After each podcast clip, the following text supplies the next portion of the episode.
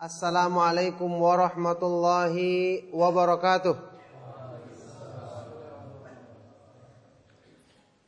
Innal hamdalillah nahmaduhu wa nasta'inuhu wa nastaghfiruh wa na'udzu billahi min shururi anfusina wa min sayyiati a'malina.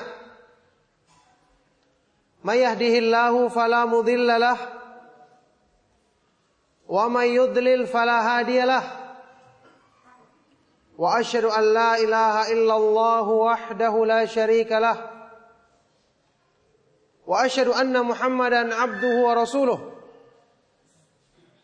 يا ايها الذين امنوا اتقوا الله حق تقاته ولا تموتن الا وأنتم مسلمون يا أيها الناس اتقوا ربكم الذي خلقكم من نفس واحدة وخلق منها زوجها وبث منهما رجالا كثيرا ونساء واتقوا الله الذي تساءلون به والأرحام إن الله كان عليكم رقيبا يا أيها الذين آمنوا اتقوا الله وقولوا قولا سديدا يصلح لكم أعمالكم ويغفر لكم ذنوبكم. ومن يطع الله ورسوله فقد فاز فوزا عظيما. أما بعد فإن أصدق الحديث كتاب الله وخير الهدي هدي محمد صلى الله عليه وآله وسلم وشر الأمور محدثاتها wa kullu muhdatsatin bid'ah wa kullu bid'atin dhalalah wa kullu dhalalatin finnar wa ba'du Ma'asyiral muslimin, ma'asyiral ikhwa wal akhwat fi din azakumullah. Alhamdulillah kita bersyukur kepada Allah Subhanahu wa taala yang senantiasa melimpahkan dan selalu menetapkan nikmat-nikmat yang besar bagi kita semua. Dalam urusan-urusan dunia apalagi urusan agama kita. Kita bersyukur kepada Allah Subhanahu wa taala yang selalu melimpahkan berbagai macam nikmatnya meskipun kita kurang dalam mensyukurinya. Kita bersyukur kepada Allah Subhanahu wa taala yang tetap memberikan kesempatan bagi kita untuk memperbaiki diri. Padahal sekian banyak peringatan-peringatan dari Allah Subhanahu wa taala yang kita dapatkan yang juga belum bisa kita manfaatkan dengan sebaik-baiknya untuk merubah diri kita untuk merubah hati kita untuk menundukkan jiwa kita dalam dalam rangka untuk taat kepada Allah Subhanahu wa taala dengan sempurna Allah Subhanahu wa taala berfirman, "Alam ya'ni lil ladzina amanu an takhsha'a qulubuhum li dzikrillahi wa ma nazala minal haqq wa yakunu kal ladzina utul kitaba min qablu fatala 'alaihimul amadu faqasat qulubuhum wa minhum fasiqun." Tiba waktunya bagi orang-orang yang beriman untuk hati mereka tunduk ketika mengingat Allah dan tunduk kepada kebenaran yang diturunkan kepada mereka. Dan janganlah mereka bersikap seperti orang-orang yang telah diberikan Alkitab kepada mereka sebelumnya. Yang kemudian setelah berlalu masa yang panjang, hati mereka menjadi kaku, menjadi membatu, tertutup, dan kebanyakan mereka menjadi orang-orang yang fasik. Ma'asyiral ikhwa wal akhwat fi din azakumullah. Ayat yang mulia ini mengisyaratkan bahwa keburukan yang sesungguhnya adalah ketika hati manusia tertutup sehingga tidak bisa menerima hidayah Allah. Asal daripada hidayah, asal daripada istijabah memenuhi seruan Allah dan Rasulnya, adalah terdapat dalam hati manusia. Makanya ketika Allah Subhanahu wa taala berfirman dalam Al-Qur'an dalam ayat yang berkali-kali kita dengarkan dalam kajian, Ya ayyuhalladzina amanu stajibu lillahi walir rasuli idza da'akum lima yuhyikum.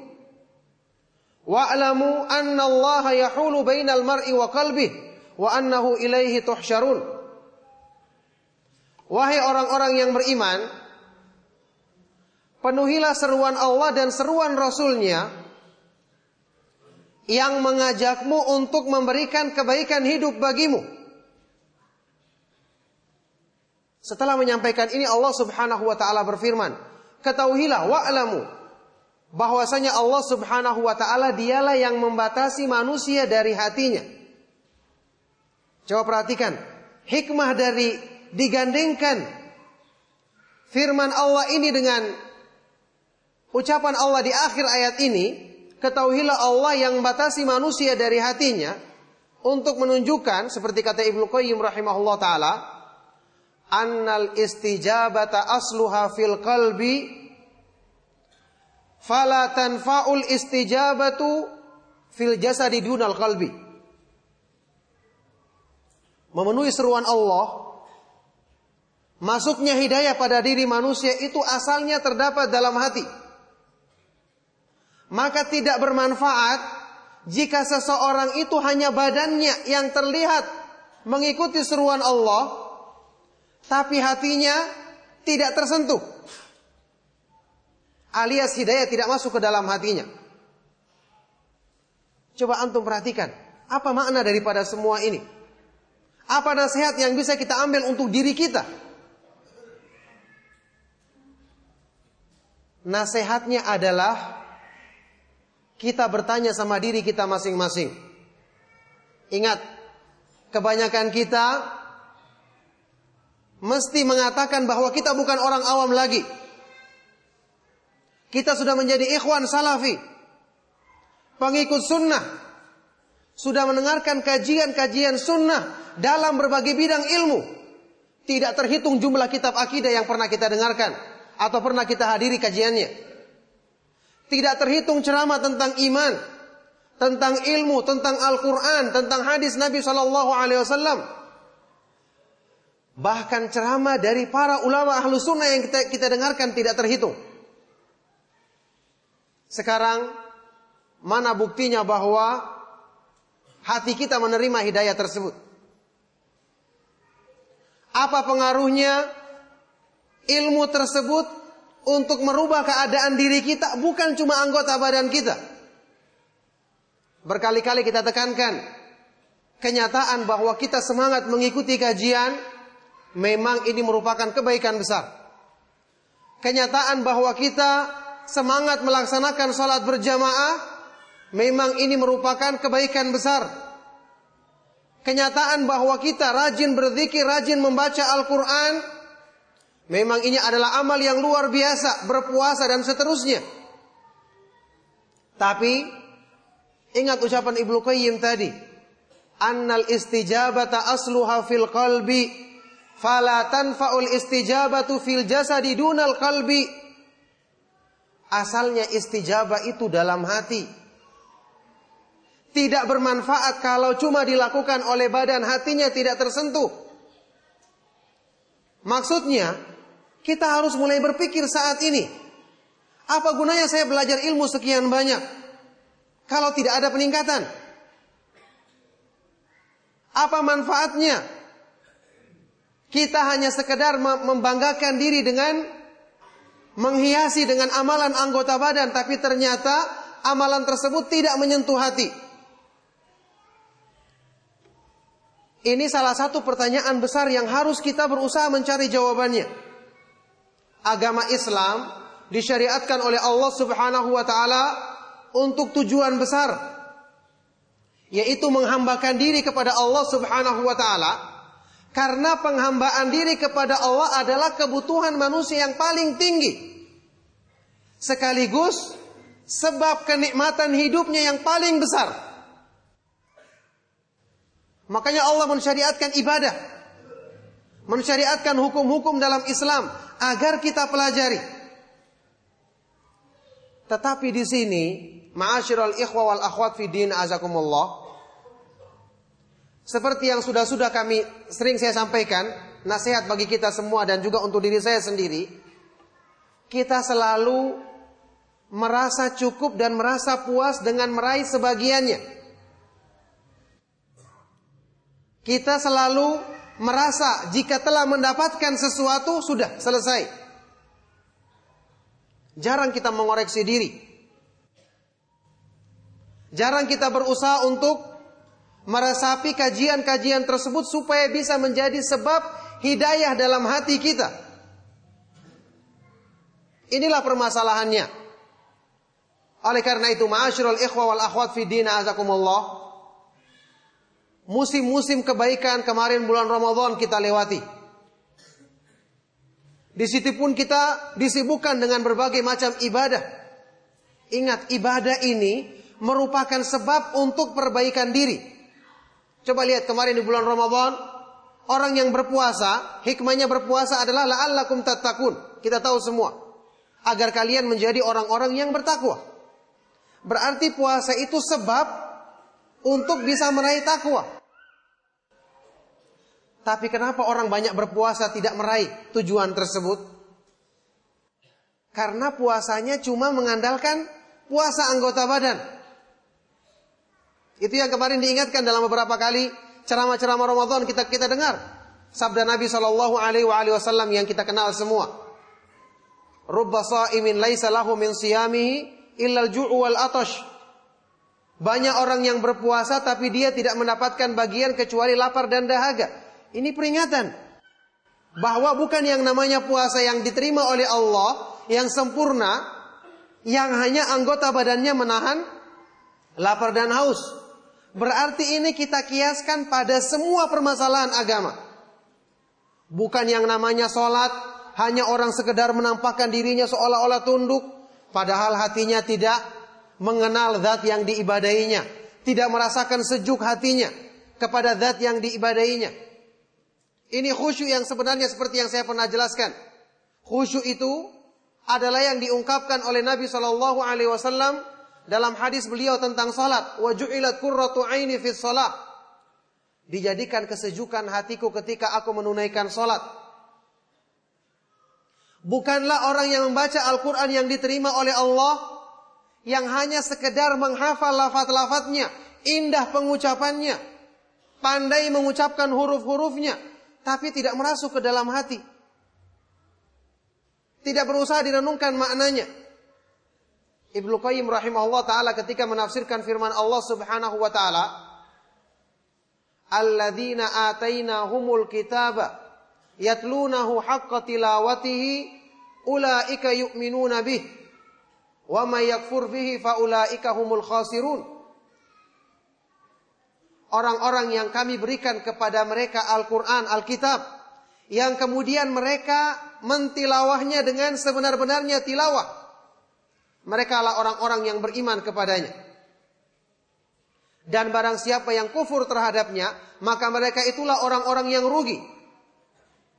Beliau berkata, Tilawatul Quran, inna tilawatul Quran tatanawalu tilawatalaf tilawatalafdihi wa ma'nahu. Wa tilawatul ma'na ashrafu min mujarradi tilawatil lafdi wa ahluha hum ahlul Quran. Alladzina lahumul thana'ul jamilu fid dunya wal akhirah. Yang namanya mentilawah Al-Qur'an itu meliputi tilawah mengikuti secara bahasa artinya tilawah mengikuti. Mengikuti lafadznya yakni membaca huruf-hurufnya dan mengikuti kandungan maknanya yaitu merenungkan isinya, menghayatinya. Dan orang yang merenungkan isinya, mentilawah dengan memahami maknanya, ini lebih mulia daripada sekedar membaca hurufnya. Dan ahli, orang yang ahli dalam hal ini yang selalu melakukan ini, mereka lah yang disebut sebagai ahli Quran yang sesungguhnya. Yang mereka akan mendapatkan pujian yang indah di dunia dan di akhirat nanti. Coba bayangkan Al-Quran yang kita baca. Insya Allah rata-rata kita semua punya semangat membaca Al-Quran. yang Al-Quran merupakan semua sumber kebaikan. Obat penyakit hati, penyubur keimanan, dan semua kebaikan yang lainnya. Tapi mana di antara kita yang membekas pada dirinya bacaan Al-Quran? Sehingga dengan itu, setiap kali membaca Al-Quran, dia bisa mengobati penyakit hatinya. Yang kemudian tercermin dalam kehidupannya, dalam hal menundukkan hawa nafsu, mengutamakan keridoan Allah Subhanahu wa taala, merasakan nikmat ketika beribadah kepada Allah Subhanahu wa taala. Ini semua makna hidayah hati. Berdoa kepada Allah, berzikir. Kenapa disebutkan dalam hadis yang sahih tentang doa misalnya? Dari Ibnu Abbas radhiyallahu taala anhuma, Rasulullah sallallahu alaihi wasallam bersabda hadis riwayat Al-Hakim dihasankan oleh Syekh Al-Albani. Rasulullah sallallahu alaihi wasallam bersabda, afdalul ibadati ad-du'a. Seutama-utama ibadah adalah doa. Lu dari mana? Mana sholat, mana Al-Quran, mana berzikir. Kenapa tiba-tiba langsung muncul doa seutama-utama ibadah? Hadis yang lainnya riwayat Tirmidzi yang semakna dengan ini. Dari sahabat yang mulia Abu Hurairah radhiyallahu taala anhu, Rasulullah sallallahu alaihi wasallam bersabda, "Laisa syai'un akrama alallahi minad doa. Tidak ada sesuatu yang lebih mulia bagi Allah subhanahu wa ta'ala melebihi doa. Kenapa tiba-tiba doa punya keutamaan demikian besar? Padahal secara urutan dia di bawah Al-Quran. Ternyata doa seperti ini bukan cuma sekedar doa memohon. Tapi permohonan yang disertai dengan penghayatan dalam hati. Paling tidak ada tiga unsur dalam doa yang menjadikannya sebagai ibadah yang paling agung di sisi Allah. Kenapa? Orang yang berdoa berarti dia menunjukkan rasa butuhnya kepada Allah, ketundukannya kepada Allah, ketergantungannya kepada Rabbnya. Ini ubudiyah, penghambaan diri. Yang semakin seseorang sempurnakan hal ini dalam dirinya, berarti kedudukannya di hadapan Allah semakin mulia. Bayangkan doa yang direnungkan sampai segitu kedudukannya. Padahal kita demikian banyak doa yang kita ucapkan dalam sehari-hari. Tapi makna ini jarang kita hadirkan. Makna yang kedua yang terdapat dalam doa yaitu di dalam doa terdapat al-isti'anatu billah, tawakal, memohon pertolongan dan tawakal kepada Allah. Ini adalah intinya agama. Yang dikandung dalam firman Allah Subhanahu wa taala surat Al-Fatihah, "Iyyaka na'budu wa iyyaka nasta'in." Hanya kepadamu kami menyembah dan hanya kepadamu kami mohon pertolongan. Coba lihat, doa yang di, yang direnungkan ternyata memiliki kedudukan yang demikian tinggi dalam rangka menyempurnakan ubudiyah kita. Penghambaan diri kita. Jadi di sini ma'asyiral ikhwa wal akhwat fi din azakumullah. Kita belajar kita harus punya target. Hidup kita sementara. Kita tidak tahu amalan kita apa yang diterima oleh Allah Subhanahu wa taala. Ketika Allah Subhanahu wa taala berfirman, "Innama yataqabbalullahu minal muttaqin." Sesungguhuna Allah itu menerima amal dari orang-orang yang bertakwa dan kita tahu bersama takwa itu hakikatnya terdapat dalam hati. At-taqwa hahuna. Kata Nabi Shallallahu alaihi wasallam. Sekarang setelah itu siapa yang berani menjamin amal-amalnya yang dilaksanakannya secara zahir meskipun kelihatan bersemangat diterima oleh Allah Subhanahu wa taala? Nah, dari sini makna ucapan para ulama salaf yang kita semua sering dengarkan. Di antara mereka ada yang mengatakan, "Lau anni a'lamu anna Allah taqabbala minni sajadatan wahidatan latamannaitul maut." Seandainya Allah mengetahui, aku mengetahui bahwa Allah menerima dariku satu sujud, satu sholat saja, maka aku mengangan-angankan mati saat ini juga. Nah di sinilah ma'asyirul ikhwa wal akhwat fi din azakumullah. Perbedaan orang yang belajar agama dan tidak belajar agama. Perhatian orang yang mengenal Islam, yang mengenal Allah, mengenal keutamaan-keutamaan dalam agama dan perhatian orang-orang yang tidak seperti itu. Dan di sinilah fungsinya kita selalu membaca keterangan para ulama yang menasihatkan tentang masalah iman. Yang menasihatkan tentang masalah tazkiyatun nufus, pensucian jiwa. Bukan untuk membuat kita merasa putus asa, oh kenapa amal saya semua kok tertolak. Tidak ada artinya, bukan. Tapi ingin menjadikan kita lebih berhati-hati. Karena kalau kita tidak mengintrospeksi diri saat ini, sewaktu di hadapan Allah kita tidak siap.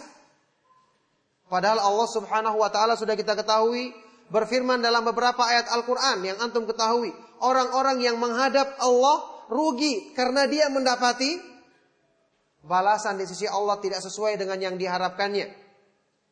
Wa badalahum minallahi ma lam yakunu yahtasibun. Tampaklah di hadapan mereka balasan dari Allah yang sebelumnya mereka tidak perhatikan. Wa qadimna ila ma amilu min amalin faja'alnahu haba'an manthura. Kami hadapi amal-amal yang mereka kerjakan di muka bumi, kemudian kami jadikan seperti debu-debu yang berhamburan. Makanya di sini sekali lagi saya menekankan untuk diri kita semua. Kita belajar harus ada perbaikan. Kita berkali-kali mengulangi penjelasan tentang ilmu yang bermanfaat. Kata Ibnu Rajab Al-Hambali, huwa ma basyaral qulub yang merasuk ke dalam hati. Biarkan ilmu masuk ke dalam hati kita untuk merubah hati kita. Makanya jangan merasa cukup dengan sekedar mengatakan saya sudah banyak menghadiri kajian-kajian dalam berbagai judul, berbagai tema, berbagai berbagai bidang ilmu dalam Islam. Sekarang perlu kita pertanyakan dalam diri kita. Siapa di antara kita yang ketika mendengarkan satu kajian misalnya tentang keimanan, ketika pulang dia mengulangi kembali kajian tersebut? Jarang yang melakukan. Rata-rata yang kita lakukan dengar satu sudah. Kalau punya CD simpan, numpuk-numpuk tidak ada yang diulangi. Demikian pula kajian ilmu. Al-Quran. Siapa di antara kita yang bersabar membaca Al-Quran pelan-pelan yang penting dipahami. Jarang ada yang melakukan. Jarang ada yang melakukan. Rata-rata kalau baca Al-Quran pengennya cepat selesai. Padahal itu sudah kita ketahui dilarang oleh para ulama salaf. Seperti kata Ibnu Mas'ud radhiyallahu taala anhu, "Wala yakunu hammu ahadikum akhir surah." Janganlah yang menjadi target salah seorang di antara kalian hanya sekedar menyelesaikan surat tersebut. Nah, di sini Jalannya sudah kita ketahui. Petunjuk para ulama salaf kita baca dan kita pelajari. Tapi kita kurang sabar dalam menitinya. Kita kurang sabar dalam menjalaninya. Semua kita bertanya. Setelah kita selesai sholat, kalau kita mau merenungkan dan di sinilah, makanya merenungkan diri, introspeksi itu merupakan satu keharusan karena setelah itu kita akan mengetahui aib-aib dan kekurangan diri kita.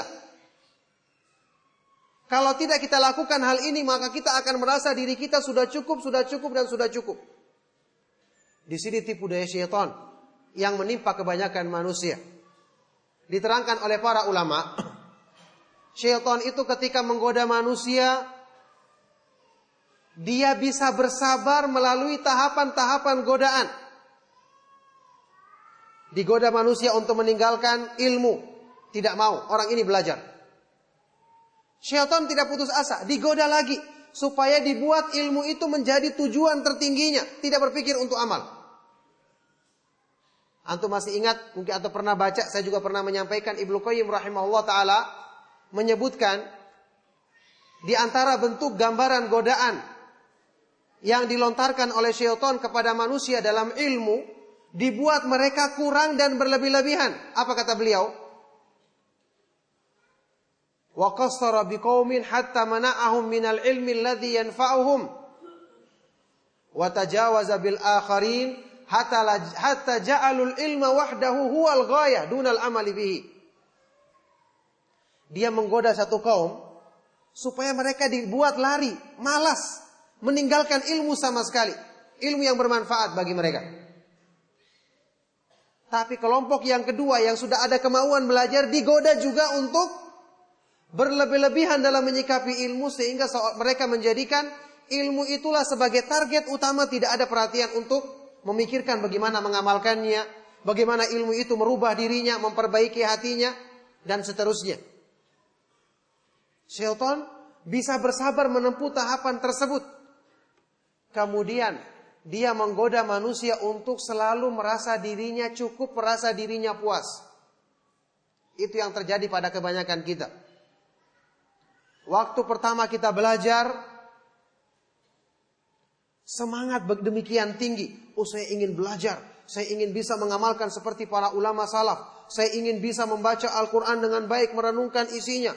Menjadikan saya bisa sholat malam dengan khusyuk, semangat berzikir dan seterusnya. Berlomba-lomba dalam kebaikan. Itu semangat kita. Begitu kita mulai belajar, setelah kita menyelesaikan beberapa kajian, kita sudah mulai memandang kanan kiri. Oh, yang di samping saya orang-orang masih baru. Saya sudah lebih lama mengikuti kajian. Kita belajar lagi sifat salat Nabi, sudah kita tahu salat sesuai dengan sunnah Nabi SAW. Ini keutamaan. Tapi setelah itu kita merasa, oh saya telah mencapai target, saya sudah tahu salat yang seperti sunnah Nabi SAW. Padahal masih ada khusyuk dalam salat, kita belum raih.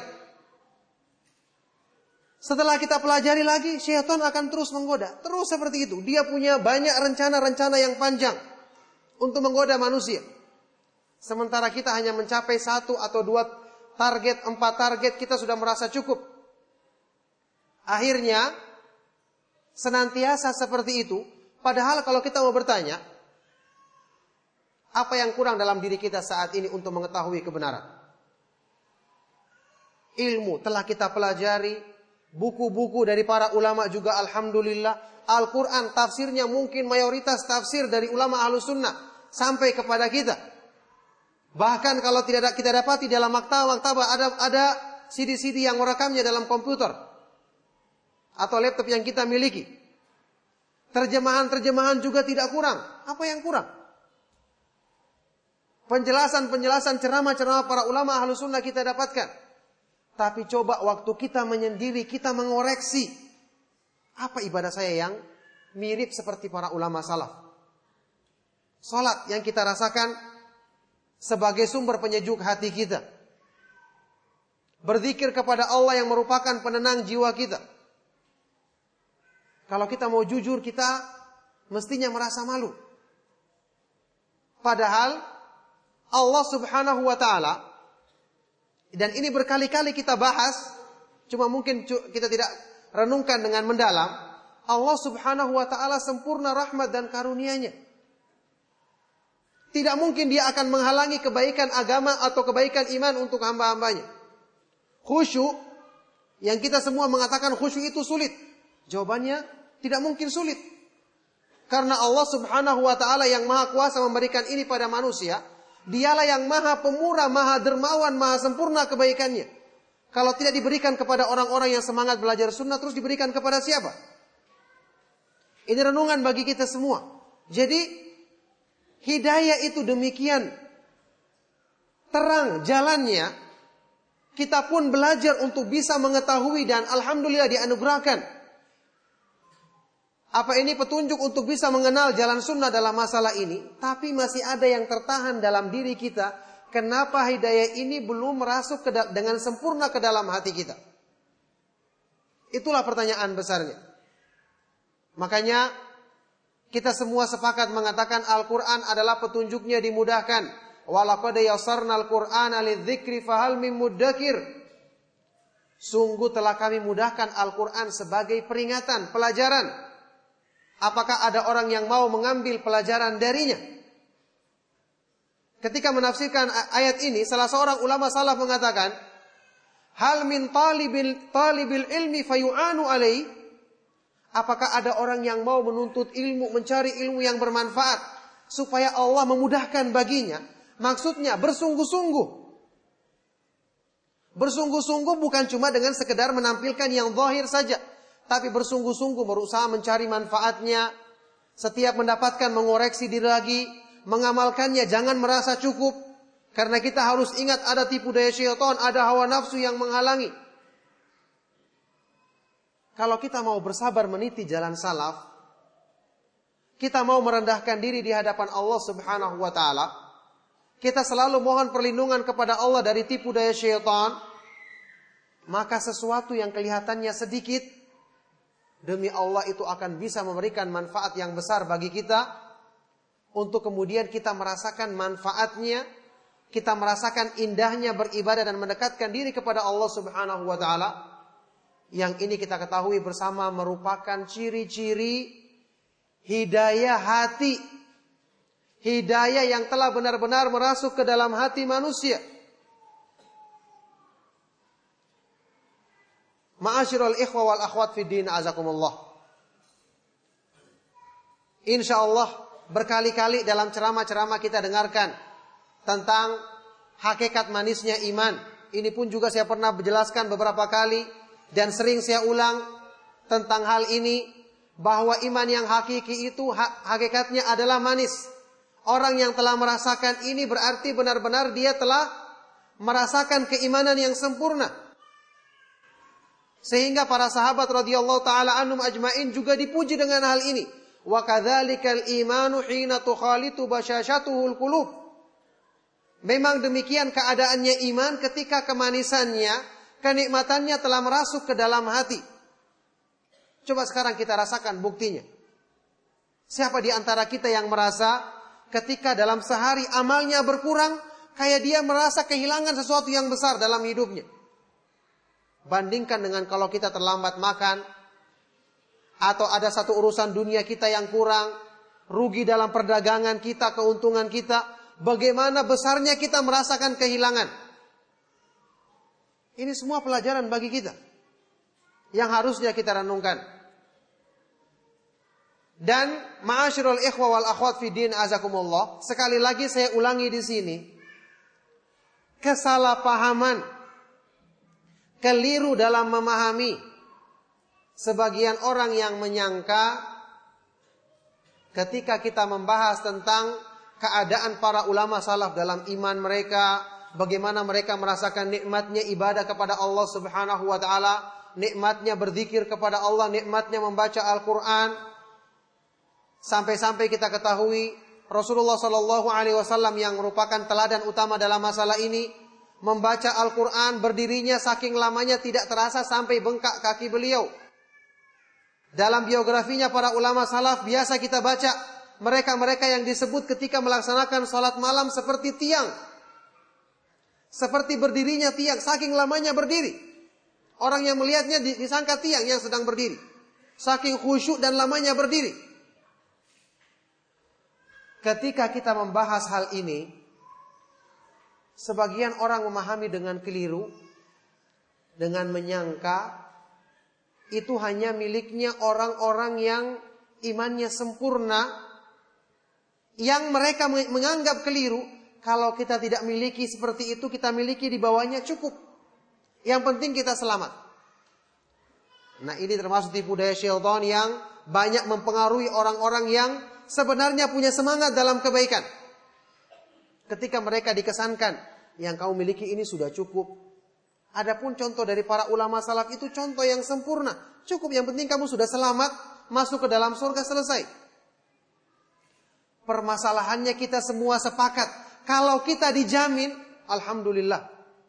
Seperti ulama salaf yang mengatakan tadi. Kalau Allah menerima dariku satu sujud saja, sudah. Saya ingin mati saat ini. Berarti saya sudah memenuhi standar yang disebutkan dalam firman Allah tadi. Inna minal muttaqin. Sesungguhnya Allah subhanahu wa ta'ala hanya menerima dari amalnya orang yang bertakwa. Tapi permasalahannya saat ini Siapa di antara kita yang sudah terjamin? Siapa di antara kita yang sudah merasa terjamin? Tidak ada. Hudzaifah ibnu Yaman radhiyallahu taala anhu ketika ditanya anta sahibu Rasulullah sallallahu alaihi wasallam, apakah kamu sahabat Rasulullah sallallahu alaihi wasallam? Beliau mengatakan la adri, aku tidak tahu. Innama sahibuhu man yadkhulu ma'ahul jannah.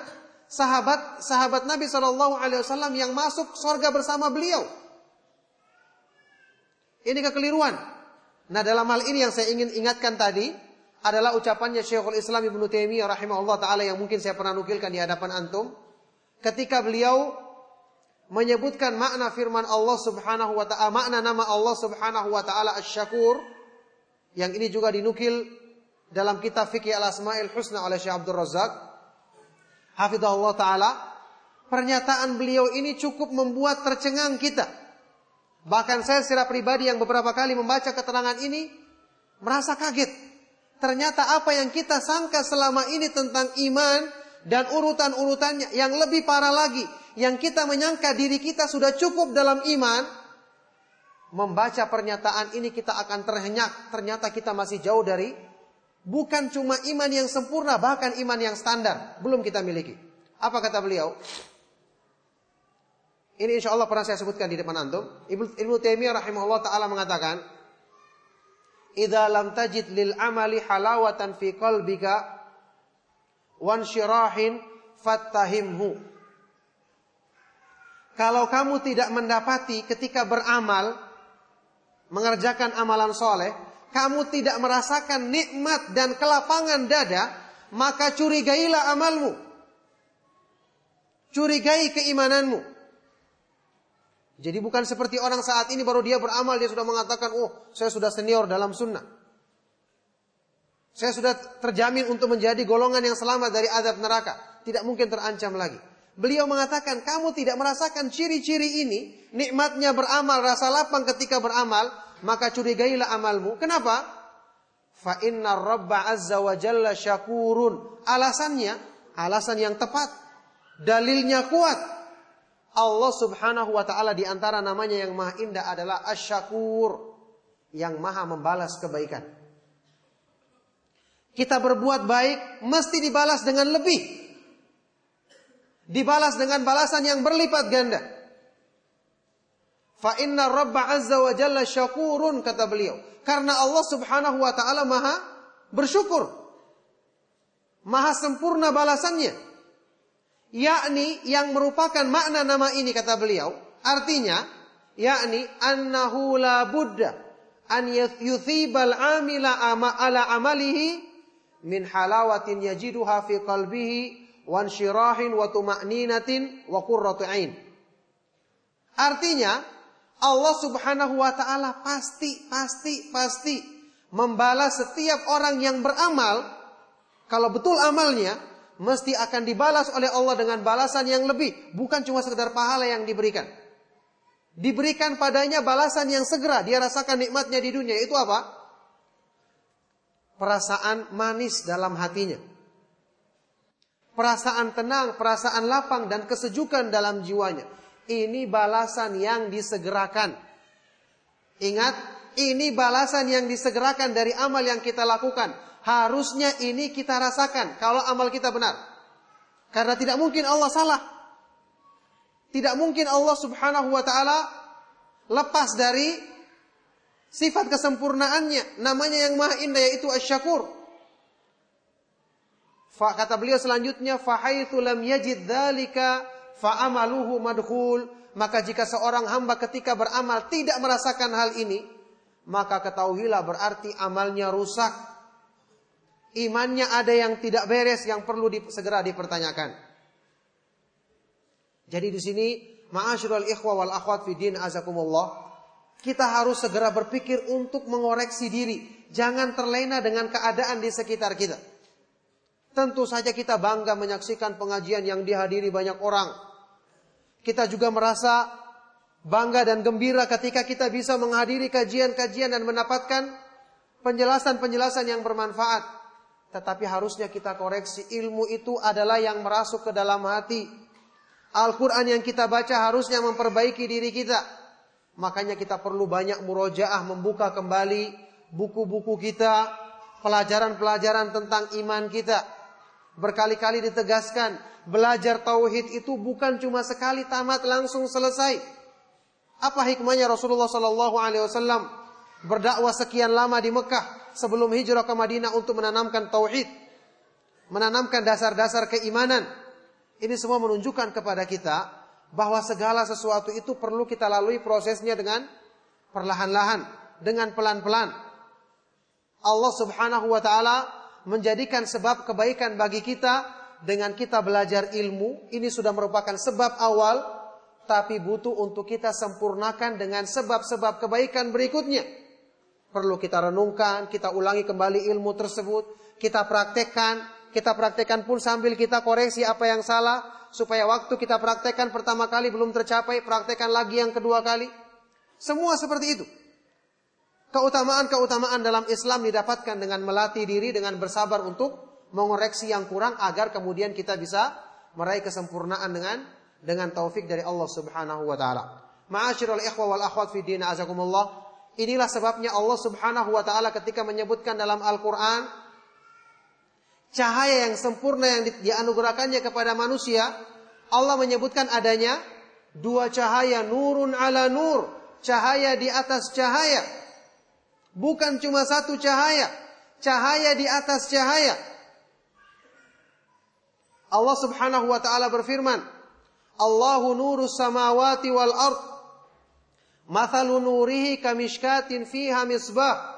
Al misbahu fi zujajah.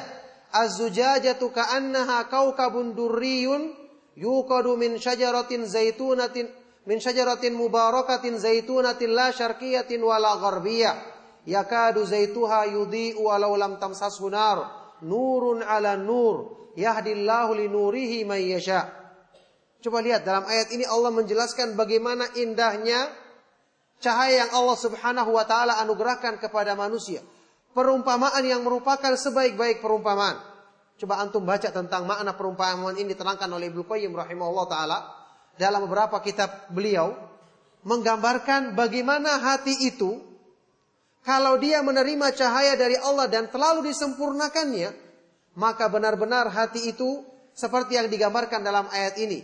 Yakadu zaituha yudhi walau lam tamsas sunar. Zaitnya, minyak yang menyalakan api tersebut hampir-hampir sudah bercahaya sebelum disentuh api. Maksudnya apa? Ilmu itu kalau masuk ke dalam hati dan meresap ke dalam hati, kebaikan itu akan selalu siap muncul. Sebelum dinyalakan dia sudah mau terbakar, sudah mau menerangi. Kebaikan hatinya itu selalu ingin muncul. Belum dia belajar, sudah siap. Ketika dia mendengarkan satu kebaikan, satu sunnah, langsung memancat, langsung dia amalkan. Ini yang disebutkan dalam pernyataan para ulama salaf.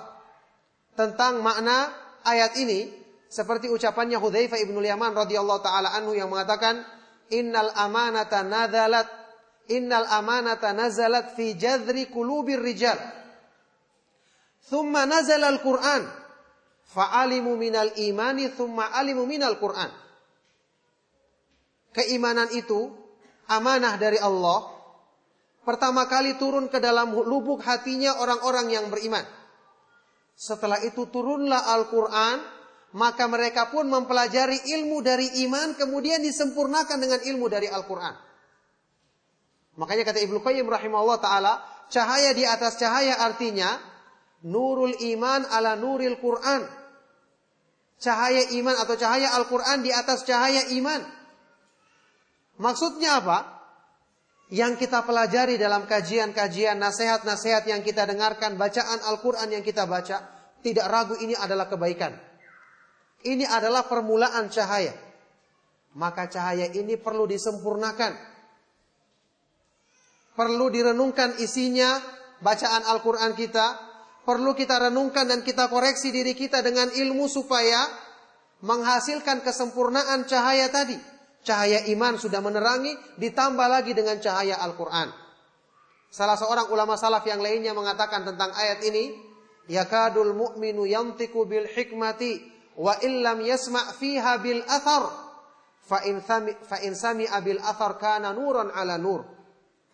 Hampir-hampir orang yang beriman, beriman itu mengucapkan kalimat hikmah. Padahal dia belum mendengarkan asar atau hadis. Maka ketika dia mendengarkan hadis, itulah yang disebut sebagai cahaya di atas cahaya. Ini yang dibutuhkan. Ma'asyiral ikhwa wal akhwat fiddin untuk memperbaiki memperbaiki diri kita. Jadi tidak ada yang salah sebenarnya. Cuman yang salah adalah kita berhenti tidak meneruskan. Tahapan kita sudah benar. Apa gunanya kita mengenal jalan ahlu sunnah wal jamaah?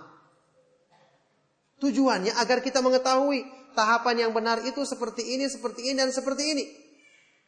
Orang-orang yang tidak mengenal jalan sunnah, tidak mungkin mereka mencapai kepada kebaikan karena jalannya saja mereka tidak tahu. Jadi jangan berkata, oh kalau begitu apa gunanya kita mengikuti kajian sunnah. Sama-sama juga belum tentu sampai kepada keridhaan Allah. Jelas jawabannya beda. Orang yang telah mengetahui jalan sunnah, mengenal kajian sunnah berarti dia telah mengetahui, oh ini jalannya. Cuma dia perlu meneguhkan dirinya, menyabarkan dirinya untuk bisa bersabar menempuh jalan tersebut. Belajar lagi untuk bisa semakin memahami sebab-sebab untuk bisa menyelamatkan dia dalam menempuh jalan tersebut. Jadi tahapan yang kita tempuh sudah benar. Kita sudah belajar, betul kita belajar. Al-Quran sudah kita pelajari tajwidnya, betul tidak ada yang menyalahkan. Bahkan ada di antara kita yang berusaha menghafal Al-Quran. Masya Allah keutamaan besar. Tapi jangan berhenti. Jangan merasa cukup, jangan merasa puas. Jangan pernah merasa aman dari tipu daya syaitan. Ini permasalahannya. Jadi yang perlu dikoreksi dalam diri kita adalah ilmu yang sudah kita pelajari tadi supaya tidak hilang dari hati kita, kita perlu ulangi. Hayatul ilmi mudzakaratuhu kata para ulama. Hidupnya ilmu adalah dengan mengulang-ulanginya. Kalau selama ini kita membaca Al-Quran mentargetkan saya satu, satu pekan harus selesai semuanya. Tidak ada yang salah. Tapi sekarang perlu ditambah. Usahakan merenungkan artinya. Bagaimana Anda bisa mendapatkan fungsi daripada Al-Quran. Kalau dibaca sekedar lewat tidak ada yang menempel ke dalam hati manusia. Ini yang perlu dikoreksi. Salat pun seperti itu. Kita salat sudah benar sesuai dengan sunnah Nabi Shallallahu Alaihi Wasallam.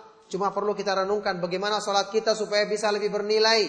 Yaitu kita harus mengenal zat yang kita ibadai. Seperti yang saya pernah jelaskan dalam penjelasan masalah khusyuk di beberapa pertemuan yang lalu. Agar kita bisa meraih khusyuk yang sebenarnya. Bukan khusyuk munafik. Yang diterangkan oleh para ulama. Antarul jasada khasyian wal qalbu laysa bi khasyi. Kamu melihat tubuh yang sepertinya khusyuk padahal hatinya tidak khusyuk. Ini semua yang perlu adalah perenungan, perbaikan, melanjutkan jalan yang sudah kita tempuh agar kita bisa mencapai manfaat daripada ilmu yang sebenarnya, hidayah tersebut sampai dan masuk ke dalam hati kita, yang inilah yang merupakan keberuntungan yang sesungguhnya yang akan menjadi sebab keselamatan manusia di dunia, di dunia dan di akhirat nanti. Nah inilah ma'asyiral ikhwal akhwat fi din azakumullah, nasihat yang ingin saya sampaikan di pertemuan atau di kajian kita di malam hari ini memang tidak ada yang baru, tapi saya ingin mengingatkan supaya masing-masing kita semua bertanggung jawab untuk memikirkan dirinya sendiri-sendiri. Karena ayat yang saya bacakan di awal tadi, ahlul kitab, fatala alaihimul amad fakosat kulubuhum. Berlalu masa yang panjang hati mereka tertutup. Saya juga pernah jelaskan di kajian yang lalu insya Allah. Bagaimana Allah Subhanahu wa taala ketika murka kepada seorang hamba telah diberikan petunjuk sebab untuk memperbaiki diri tapi dia tidak memanfaatkan dengan sebaik-baiknya, maka Allah Subhanahu wa taala yang maha kuasa untuk menutup hatinya naudzubillahi min dzalik sehingga menjadikan hatinya tidak bisa lagi terbuka untuk menerima kebenaran selama-lamanya. Maka selagi alhamdulillah hati kita masih mau terbuka, siap untuk menerima perbaikan, maka jangan sampai terlambat untuk kita segera menyambut hidayah Allah Subhanahu wa taala dan berusaha untuk menjadikannya meresap atau merasuk ke dalam ke dalam jiwa kita dengan dengan taufiknya. Maka inilah yang ingin saya sampaikan di kesempatan malam hari ini. Mohon maaf jika banyak kekurangan dan ada hal-hal yang tidak berkenan. Semoga Allah Subhanahu wa taala senantiasa menetapkan kita di atas jalan Islam dan jalan sunnah Rasulullah sallallahu alaihi wasallam memudahkan kita untuk selalu mendapatkan ilmu yang bermanfaat yang mewariskan amalan soleh untuk memudahkan kita meraih sifat-sifat yang mulia kedudukan-kedudukan yang tinggi dalam agamanya. Semoga ceramah singkat ini bermanfaat tentunya untuk diri saya sendiri dan untuk kita semua. Saya cukupkan. Sallallahu wasallam barak ala nabiyina Muhammadin wa ala alihi wa sahbihi wa man tabi'ahum bi ihsanin ila yaumiddin. Wa akhiru da'wana anil hamdulillahi Rabbil Alamin. Ya barakallahu fikum. Ada pertanyaan Ana sering mengirim barang menggunakan jasa kantor pos namun kantor pos mewajibkan biaya asuransi pada setiap pengiriman. Apakah Ana berdosa jika terus mengirim barang via pos? Sebab akan memberatkan Ana jika menggunakan jasa pengiriman yang lain. Ya, kalau memang itu terpaksa dan diharuskan, maka sebagaimana hal-hal yang lain seperti kita membeli tiket juga harus ada asuransinya. Itu kata para ulama karena darurat. Yang penting kita tidak ikut membenarkan hal tersebut dan tidak ikut mengambil hasil dari asuransi tadi. Maka ini tidak menjadikan kita berdosa karena kita dipaksa dalam keadaan kita tidak menginginkannya. Tentu saja kalau kita bisa menggunakan hal yang lain lebih terhindar daripada hal ini maka itu lebih lebih bagus.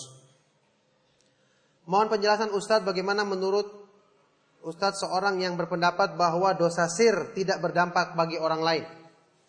Dosa yang tersembunyi tidak berdampak bagi orang lain. Ketika dijelaskan oleh para ulama maksudnya dosa yang dilakukan sembunyi-sembunyi karena tidak mempengaruhi orang lain atau tidak menjadikan orang lain mengikuti dia. Sehingga waktu diingkari pun diingkari secara sembunyi-sembunyi. Kita nasihati secara sembunyi-sembunyi. Tidak perlu disampaikan di depan umum. Itu maksudnya.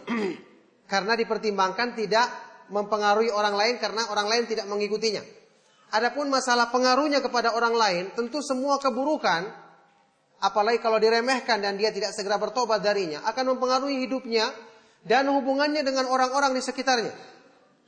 Sebagian dari para ulama salaf ada yang mengatakan, Inilah a'sillaha fa'aradhalika fi khuluqim ra'ati. Aku pernah berbuat maksiat kepada Allah, yang kemudian aku melihat dampak keburukannya ada pada tingkah laku istriku. Jadi menjadikan hubungannya dengan orang-orang sekitarnya buruk. Karena barang siapa yang merusak hubungannya dengan Allah, maka hubungannya dengan orang-orang yang di sekitarnya, bahkan orang-orang yang paling dicintainya pun akan rusak. Sebagaimana orang yang merasa gembira ketika dekat dengan Allah, maka semua orang lain pun merasa gembira ketika dekat dengannya. Ibnu Qayyim rahimahullah taala mengatakan demikian. Man qarrat ainuhu billah qarrat bihi kullu ain. Barang siapa yang merasa gembira, tenang jiwanya ketika mendekatkan diri kepada Allah, maka semua orang yang di sekitarnya akan merasa gembira ketika dekat dengannya. Jadi kalau dikatakan tidak mempengaruhi, tentu mempengaruhi. Kalau orang-orang di sekitarnya sudah tidak tenang dengan dia, maka tentu dia akan sulit menasehati mereka, bahkan dalam kehidupannya akan sering menimbulkan masalah Ditambah lagi sudah kita ketahui perbuatan maksiat yang dilakukan oleh perorangan meskipun sembunyi-sembunyi kalau dia tidak bertobat, tidak menyesali perbuatannya, ini merupakan sebab timbulnya berbagai macam musibah. Satu orang yang melakukan musibah satu, dua orang, tiga orang dan seterusnya. Bagaimana makna firman Allah Subhanahu wa taala, "Wa ma asabakum min musibatin fabima kasabat aydikum." Musibah apa saja yang menimpa kalian maka itu akibat dari perbuatan dosa-dosa yang dilakukan oleh oleh tangan-tanganmu sendiri. Jadi tentu berdampak mendatangkan keburukan kecuali kalau dia segera bertobat dan menyesali perbuatan tersebut. Apakah kiat-kiat yang kita lakukan agar tidak melanggar ilmu yang kita tahu kebenarannya? Berdoa kepada Allah, memohon ilmu yang bermanfaat. Makanya doa itu ketika kita dapatkan dari sunnah Nabi Shallallahu Alaihi Wasallam kita ucapkan sambil kita renungkan isinya. Kita renungkan isinya. Allahumma inni a'udzubika min ilmin la yanfa wa min qalbin la yakhsha wa min nafsin la tashba wa min da'watin la yustajabu laha.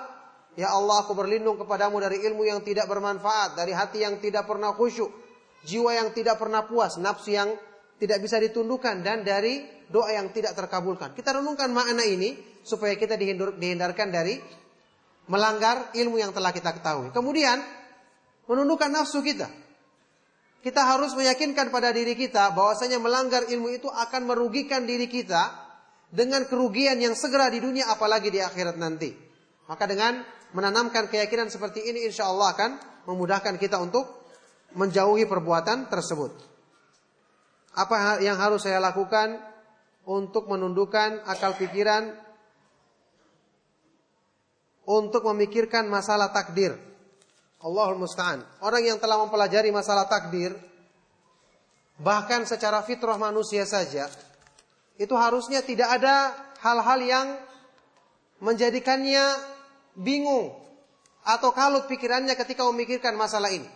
Tidak lain yang menjadi sebab kekalutan pikirannya karena dia terlalu membaca, mungkin membaca atau mendengarkan syubhat dari orang-orang yang rusak pikirannya sehingga dia pun ikut rusak pikirannya. Takdir Allah Subhanahu wa taala kalau diimani dengan benar menjadikan kita tenang.